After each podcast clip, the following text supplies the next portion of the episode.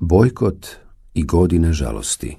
Mušički napadi na poslanika. Nakon neuspjelih pokušaja da pokolebaju Ebu Taliba i okrenu ga protiv Muhameda sallallahu alejhi ve sellem, mušici su riješili da intenziviraju napade i maltretiranja samog poslanika. Pošto su ranije fizički zlostavljali njegove sljedbenike, odlučili su da, pored verbalnih napada, psovanje, izrugivanje, nazivanje pogrdnim imenima i slično, počnu i fizički zlostavljati poslanika, salallahu i veselem. Jednog dana poslaniku je došao u Tejbe, sin Ebu Lehebov, koji je inače ranije bio oženjen poslanikovom kćerkom u Kulsum, pa ju je, kada je poslaniku počela stizati objava, razvjenčao kako bi i na taj način napakostio Allahovom poslaniku i rekao prijetećim tonom ja ne vjerujem u ono što stoji u Kur'anu. Tako mi zvijezde kada zalazi, ani u ono... Zatim se, misli se na Meleka Džebrila, približio pa nadnio. U tejbe je potom skočio na Resulullaha da ga udari. Poderao mu je košulju i pljunuo prema njegovom plemenitom licu, ali pljuvačka nije pala na poslanikovo lice. Tada je Allahu poslanik, salallahu alihi veselem, proučio dovu. Allahu, pošalji na njega jednog od svojih lavova. Ibn Hišam bilježi da je poslanikova dova bila uslišana. U Tebe je sa grupom Kurejšija otišao na put u Šam. Došli su u mjesto Ezerka i odlučili da tu prenoće. Primijetili su da oko njih obilazi lav, na što je u tebe povikao. Teško meni, tako mi Boga Pojest će me baš onako kako je Muhammed u svojoj dovi molio. Muhammed će me ubiti iz Meke, dok sam ja čak ovdje u Šamu. I doista, lav zgrabi baš njega iz cijele družine i preklamu vrat. Autori sira zabilježili su brojna mušička maltretiranja i nasrtaj na poslanika, salallahu alihi vaselem, tokom tih teških vremena ispunjenih iskušenjima i nedaćama. Neke njihove uvrede zabilježene su i u Kur'anu. El Velid ibn Mugire jedan put je rekao Zar se objavljuje Muhammedu, a ne meni, velikanu i ugledniku Kurejšija? I zar da bude zaobiđen i Ebu Mesud, Amr ibn, Umeir es Sakafi, prvak plemena Sekif, a nas dvojca smo velikani Meke i Tajfa. Na to je Allah objavio i još kažu Trebalo je da ovaj Kur'an bude objavljen nekom čovjeku iz jednog od ova dva grada. Zar da oni raspodjeljuju milost Tvoga gospodara? Mi im dajemo sve što im je potrebno za život na ovom svijetu. I mi jedne nad drugima uzdižemo po nekoliko stepeni, da bi jedni druge služili, a milost gospodara Tvoga bolja je od onoga što oni gomilaju. Sura Ez-Zuhruf 31. i 32. ajet. Ahnes ibn Šurejk es-Sekafi bio je cijenjen čovjek među Arapima i njegovo mišljenje je uvažavano. On je često vrijeđao Allahov poslanika sallallahu ih veselem i oponirao njegovim riječima, pa je uzvišeni Allah o njemu i njemu sličnim poput Velida ibn Mugire Ubeja ibn Halefa i drugih objavio. I ne slušaj ni jednog krivokletnika, prezrena, klevetnika, onoga koji tuđe riječi prenosi, škrca nasilnika, velikog griješnika, surova i osim toga u tuđe pleme uljeza. Sura El Kalem od 10. do 13. ajeta. Među onima koji su zlostavljali poslanika, naročito su se isticali Ebu Džehl, Njegovo ime je Amr ibn Hisham, Ubej ibn Halef i Ukbe ibn Ebu Muajt. Ibn Hisham je zabilježio da su Ubej ibn Halef i Ukbe ibn Ebu Muajt bili iznimno bliski prijatelji. Odnosi među njima su bili upravo bratski. put je Ukbe sjeo uz Božijeg poslanika i odslušao ono što je on govorio. No kad je zato čuo Ubej, odmah je požurio do njega i prvo što je rekao bilo je. Zar je moguće da si sjedio s Muhammedom i slušao njegovu priču? Ja te više ni pogledati neću, a nekamo li govoriti s tobom. Tvrdo se zakleo, dodavši. Ako ikad više sjedneš kod njega, poslušaš njegov govor ili prođeš pored njega, a da mu ne pljuneš u lice. Ukbe ibn Ebu Muajt doista je to i učinio. O njima dvojici Allah je objavio. Na dan kad nevjernik prste svoje bude grizao, govoreći, kamo sreće da sam se uz poslanika pravog puta držao. Kamo sreće, teško meni, da toga i toga za prijatelja nisam uzeo. On me je od Kur'ana odvratio, nakon što mi je priopćen bio, a šeitan čovjeka uvijek ostavlja na cjedilu. Sura El Furqan od 27. do 29. ajeta. Jednom prilikom Bej ibn Halef došao je Allahom poslaniku sallallahu alihi vselem noseći u ruci truhlu kost koja se na dodir pretvarala u prah. Muhammede, rekao je, ti tvrdiš da će ovo Bog opet oživjeti nakon što je ovako istruhnulo. Zatim je to stisnuo šakom i onda to puhnuo u vjetar, u pravcu poslanika. Da, ja to tvrdim, rekao je poslanik na to. Allah će to proživjeti, kao što će proživjeti i tebe, nakon što i ti budeš takav, a zatim će te uvesti u vatru. Allah Đelešanuhu je tada objavio. I nama navodi primjer, a zaboravlja kako je stvoren i govori Ko će oživjeti kosti kada budu truhle? Reci, oživjet će ih onaj koji ih je prvi put stvorio. On dobro zna sve šta je stvorio. Onaj koji vam iz zelenog drveća vatru stvara i vi njome potpaljujete. Sura Jasin od 78. do 80. ajeta. Poslanik, selam, Strpljivo je podnosio mušlička vrijeđanja i nasrtaje, moleći uzvišenog Allaha za pomoć i zaštitu i bodreći svoje sljedbenike da izdrže. Autori Sira zabilježili su primjere direktne Allahove Đalešanohu intervencije, koja je bila u funkciji zaštite Allahovog miljenika i odabranika. Sahifa, dokument o bojkotu muslimana. Kad su Kurejšije vidjele da je znatan broj sljedbenika Allahovog poslanika otišao u zemlju u kojoj su dobili sigurnost za život i imovinu te slobodu, kada je u pitanju ispovjedanje vjere i kada su vidjele da su u islam prešli Hazreti Omer i Hazreti Hamza, čime je znatno ojačana poslanikova salallahu alihi veselem i pozicija prvih muslimana, zaključile su da će islam zadobiti nove saveznike i simpatizere među brojnim arapskim plemenima koja su dolazila hodočastiti Kaabu. Islam je vjera zdravog razuma i sva njegova naučavanja su uravnotežena i primjerena ljudskoj prirodi i potrebama. To je konkretno značilo da će Islam zadobiti nove pristaše i raširiti se među drugim arapskim plemenima. Da bi to spriječile, Kurejšije su se sakupile i donijele odluku da sačine jedan dokument, arapski sahifa, kojim će se obavezati da pripadnicima rodova Benu Hašim i Benu Abdulmutalib neće davati svoje kćeri i da se oni neće ženiti od njih, te da im ništa neće prodavati niti išta kupovati od njih.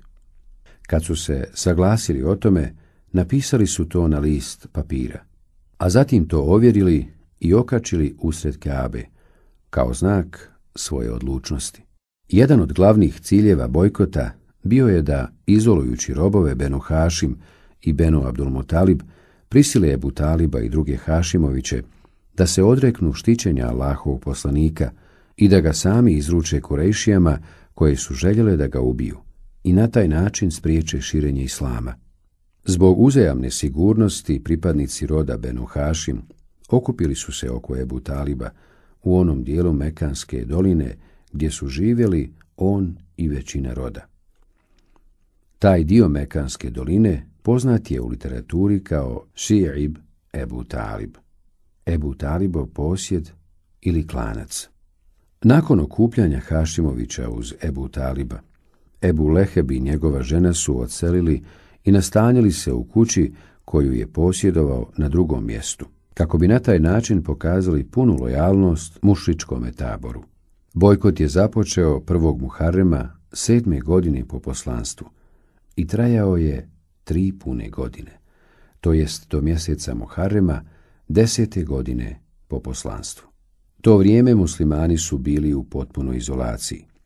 Nisu imali hrane, pa su preživljavali tako što su jeli lišće, kožu i tako dalje. A sa mjesta na kojem su bili izolovani često su se mogli čuti jauci i za pomaganje izgladnjile djece i žena. Ponekad bi im tajnim vezama dospjevalo tek toliko da prežive. Odatle su mogli izlaziti jedino vrijeme svetih mjeseci, el ešhurul hurum. Za vrijeme bojkota i mučni muslimani iz drugih rodova mnogo su u tajnosti pomagali muslimane na Ebu Talibovim posjedima, protiv kojih je sprovođen bojkot. U tome su se posebno isticali Omer i Ebu Bekr radi Allahu Anhuma. Oni su iznalazili razne načine da dostave pomoć. Historičari su zabilježili da je Ebu Bekr, radi Allahu Anhu, nakon dvije godine izdašnog trošenja na Allahovom putu, potrošio toliko svog imetka da se više nije mogao obrajati u imućne ljude. Nakon tri pomuslimane veoma teške godine, Kurešije su tokom Muharrema desete godine po poslanstvu odlučile da prekinu bojkot. Naime, izolacija većeg broja ljudi imala je za posljedicu da se na poslanika i muslimane skrene još veća pažnja. O vjeri u koju poziva Muhammed pričalo se u cijeloj Arabiji više nego prije. Uz to neke kurešije počele su negodovati zbog totalnog izopćenja njihovih sunarodnjaka, među kojima su imali svojih bliskih rođaka. Među onima koji su negodovali zbog bojkota spominju se Hišam ibn Amr, Muta'im ibn Adij, Zema ibnul Esved i drugi. U Sirama se navodi da su Kurešije, kada su odlučile da prekinu trogodišnji bojkot, uveliko bile iznenađene stanjem Sahife, koja je bila okačena u unutrašnjosti Kabe. Naime, crvi su pojeli cijeli tekst Sahife, samo su ostale uvodne riječi Bismike u tvoje ime, Bože. Vjernici su to razumjeli kao znak Allahove pomoći i podrške. Nema kompromisa o temeljnim istinama vjere. Kada je bojkot okončan, kurejšijske starješine usmjerili su svoje napore na pokušaj da uvjere poslanika da prihvati nagodbu. Naime, predložili su da muslimani i mušrici ispovjedaju obje vjere. To je podrazumijevalo da kurejšije jedno vrijeme obožavaju Allaha onako kako nalaže islam, a da muslimani nakon toga obožavaju njihove kipove. Na taj način bi bio učinjen kompromis i navodno svi bi živjeli u miru i zadovoljstvu. Poslanik, selam, naravno, takav prijedlog nije prihvatio. Ta mušlička ponuda zabilježena je i u Kur'anu časnom. O tome je objavljena sura El Kafirun. Reci, o vi nevjernici, ja neću robovati onima kojima vi robujete. A ni vi nećete robovati onom kojem ja robujem. Ja nisam rob onih kojima ste vi bili robovi. A ni vi niste bili robovi onome kome robujem ja. Vama vjera vaša, a meni moja. U tome je neoboriv dokaz da u temeljnim istinama vjere nema kompromisa. Tu treba primijeniti kuransku maksimu navedenu u ajetu. Vama vjera vaša, a meni moja.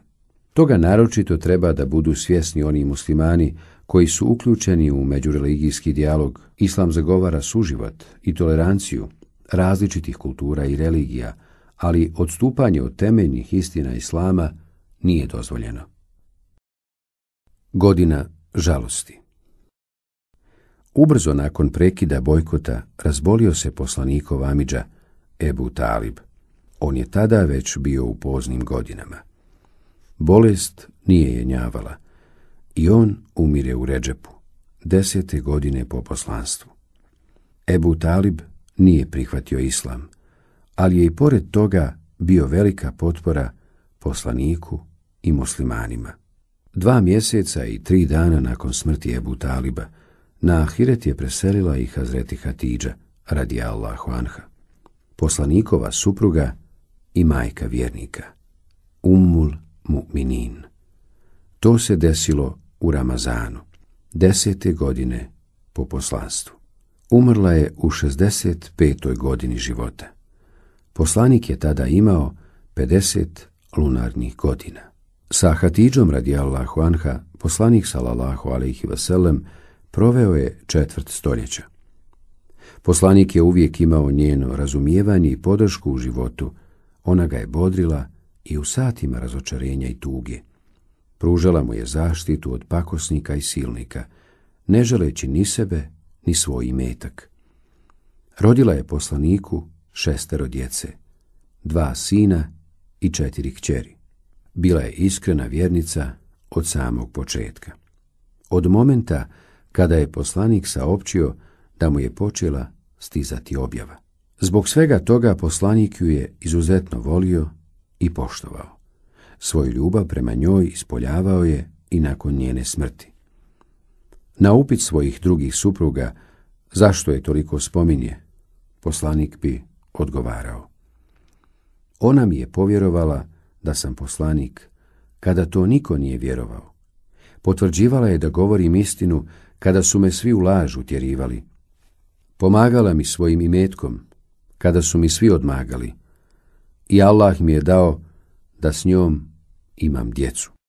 Ta dva događaja smrt Amidže Ebu Taliba, a ubrzo nakon toga i supruge Hatidže, veoma teško su pali poslaniku salallahu alihi vasallam.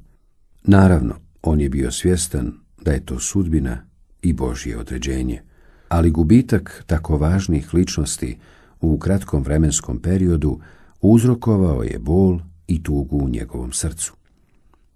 Ako se tome pridoda i činjenica da su mušrički napadi na poslanike i muslimane postali još žešći i intenzivniji nakon smrti Ebu Taliba, koji je svojim ugledom i autoritetom u plemenu Kurejš bio svojevrstan štit poslaniku salallahu alihi veselem, onda je razumljivo što je ta deseta godina po poslanstvu postala poznata kao Amulhuzn, godina tuge.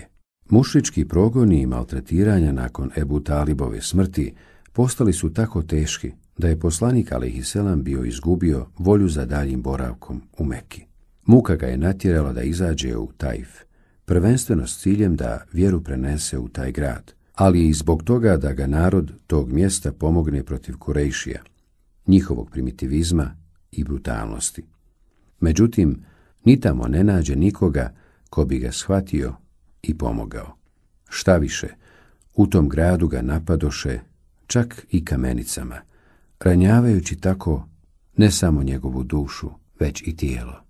Mušička zlostavljanja u toj godini bila su veoma bolna i teška po sve muslimane.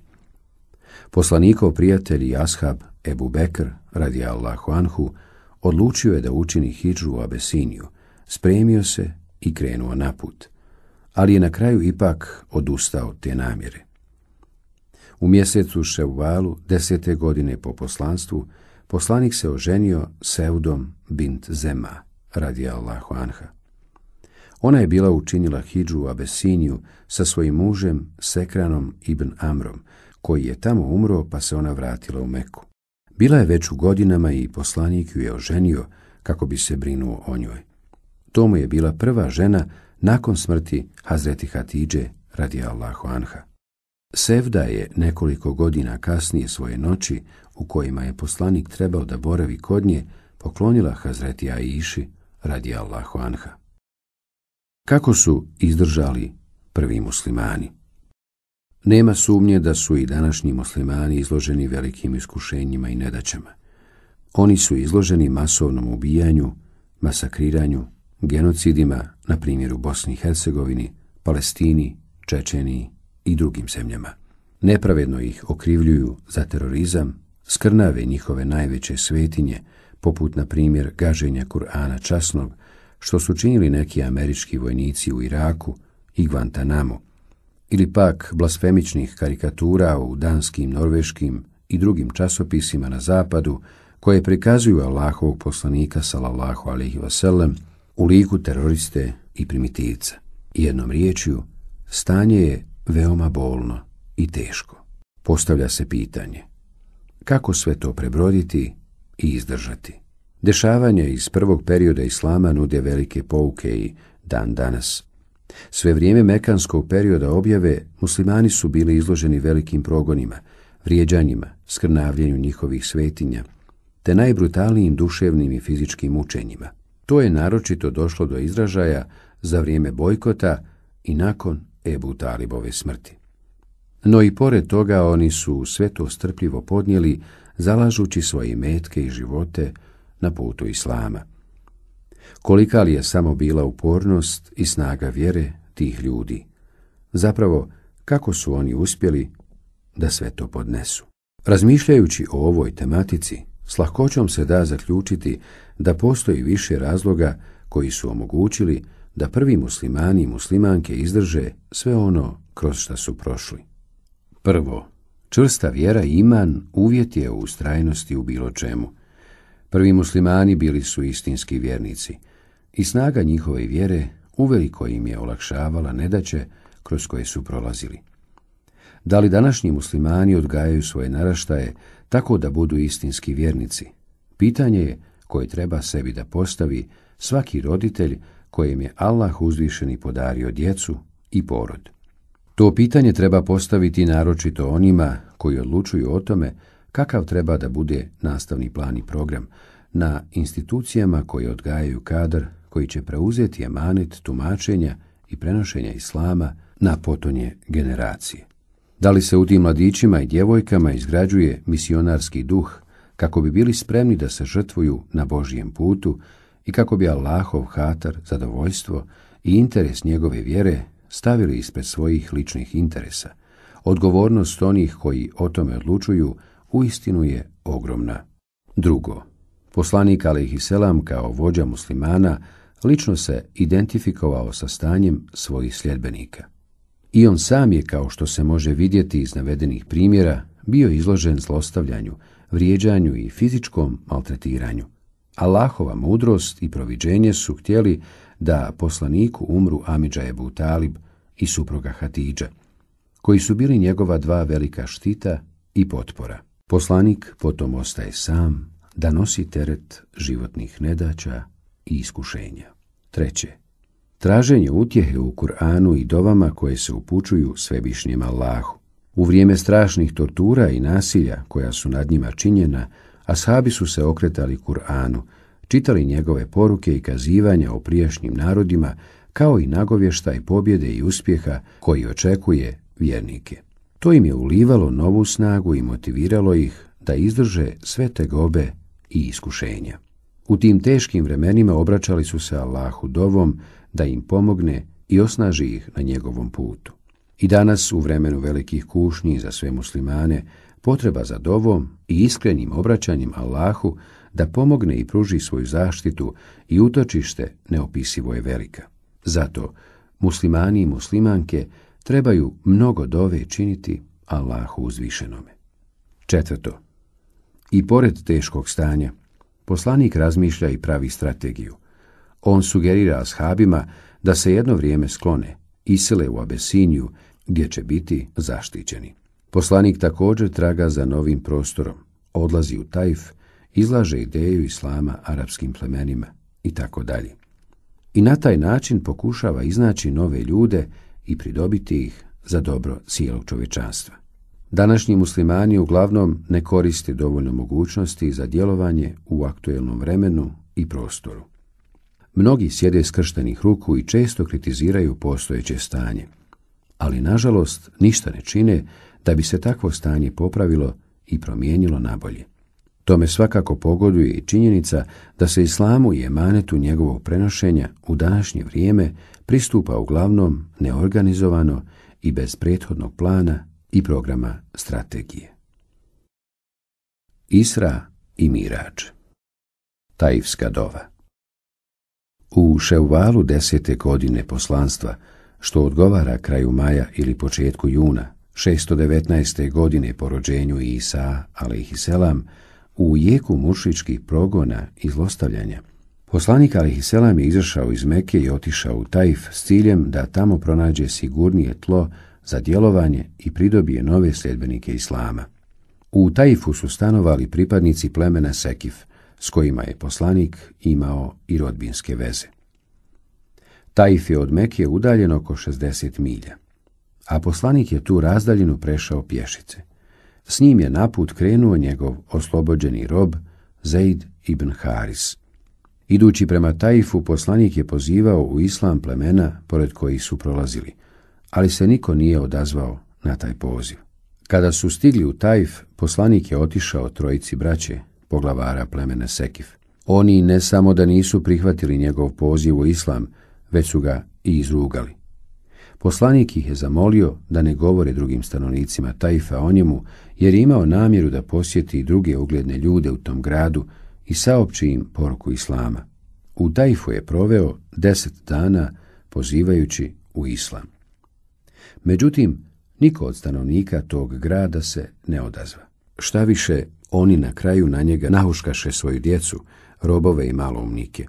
Kada je poslanik napuštao Tajf, oni su ga slijedili s lijeva i desna i hulili na njega, gađali su ga kamenicama i vrijeđali pogrednim riječima. Nekoga je pogodio kamenom u tetivu iznad pete, pa je potekla krv i natopila mu obuću. Zeid ibn Haris ga je štitio svojim tijelom, od silne galame, vike i udaraca. Poslanik, ali selam je osjećao bol u glavi. Na izlazu iz Tajfa zaklonili su se iza ograde bašće koja je pripadala Utpi i Šejbi, sinovima Rebijinim. Progonitelji su se tada vratili u Tajf. Kada se malo odmorio, poslanik Alihi Selam je uputio Allahu Đelešanhu čuvenu dovu. Ta dova je u islamskoj literaturi poznata kao tajivska dova, i zbog njene važnosti donosimo je u originalu. Allahu moj, tebi se obraćam, zbog slabosti snage svoje, zbog nemoći u djelovanju i zbog slabog utjecaja među ljudima. O ti najmilostiviji, ti si gospodar nemoćnih, ti si moj gospodar, kome me prepuštaš? nekome ko je daleko i kome dočekuje namrštena lica. Ili pak neprijatelju koji je blizu, ali si mu ti dao vlast, pa može da odlučuje o meni. Allahu moj, ako ti nisi srdit, onda ja za sve ove patnje ne marim, ali tvoje pomilovanje mi je draže. Utičem se svjetlu tvoga lica pred kojim su obasjane tmine i na kojem počiva i ovaj i onaj svijet. Od toga da na mene spustiš svoju srđbu ili da me zadesi tvoja kazna. Tebi se priklanjam da ti budeš zadovoljen, a nema snage niti moći osim pomoću tebe. U ovoj dovi vidi se poslanikova salallahu alihi veselem, zabrinutost za islam i muslimane. U Meki su mušički napadi postali nepodnošljivi, a i u Tajfu situacija nije bila ništa bolja. Tu su ga čak počeli gađati kamenicama nakon samo nekoliko dana boravka u njihovom gradu. Tajfska dova je izuzetno lijepa i korisna. Vidimo da se poslanik, ali i selam, propituje pa kaže Ako ti nisi srdit na mene, to jest ako ovo što me zadesilo nije rezultat nekog mog postupka koji izaziva tvoju srđbu, onda to nije važno. Ja ću to s lahkoćom izdržati. Poslanik, selam, dakle, analizira svoj život i provjerava da nije možda učinio nekakvu grešku ili prijestup. U tome je pouka za svakog čovjeka uzroke za neugodnosti koje se dešavaju u životu treba ponajprije tražiti u vlastitom životu. Čovjek je inače sklon tome da za ono što mu se desi okrivljuje druge. Ali navedeni događaj iz poslanikovog života jasno govori o tome kako vjernici i vjernice treba da se ponašaju. Oni moraju stalno podvrgavati svoj život analizi i propitivanju uz ostranjivanje eventualnih grešaka i propusta. Primjer poslanikove samilosti i humanosti. Kada su Rebijini sinovi Utbe i Šejbe čuli poslanikovu dobu, obuzila ih je samilost, pa su poslali mladića po imenu Adas da odnese poslaniku i njegovom saputniku nešto grožđa. Poslanik je uzevši grožđe u ruku, prvo rekao, Bismillah, s imenom Allaha, a potom je jeo. Adas, koji je inače bio kršćanin, posmatrao je to sa čuđenjem, jer niko u tom kraju nije izgovarao te riječi. Na poslanikov upit, odakle Adas je odgovorio da je on kršćanin iz Ninive. Ti si dakle iz sela dobrog čovjeka Junusa, Ibn Mateja, rekao je Resulullah. Odakle ti znaš ko je Junus Ibn Matej? začuđeno je upitao Adas. To je moj brat, on je poslanik, a i ja sam poslanik, odgovorio je Muhammed Aleyhisselam. Čuvši te riječi, Adas je od silnog ushićenja i radosti poljubio poslanikovu glavu i ruke. Rebini sinovi koji su to posmatrali, rekoše, onaj tamo će nam pokvariti dječaka. Neće ga više slušati. Kada se Adas vratio, oni su ga okorili zbog takvog ponašanja, ne obazirući se na njegove riječi. Onaj čovjek mi je ispričao nešto što ne može znati niko osim poslanik. Nakon tog događaja, Allahov poslanik i Zeid nastavili su put prema Meki. Kada su stigli do mjesta Karnul Menazil, Allah Đelešanuhu je poslao Džibrila, ali ih selam, sa Melekom zaduženim za brda. Melekul Džibal. Poslanik je mogao da bira. Ukoliko je želio da kazni svoje sunarodnjake, koji su ga ezijetili, proganjali, pa čak i fizički maltretirali, to je mogao sada da učini. Melek, zadužen za brda, je rekao da je on spreman, ukoliko mu to poslanik naredi, da na njegov narod spusti kaznu i da ih sravni sa zemljom.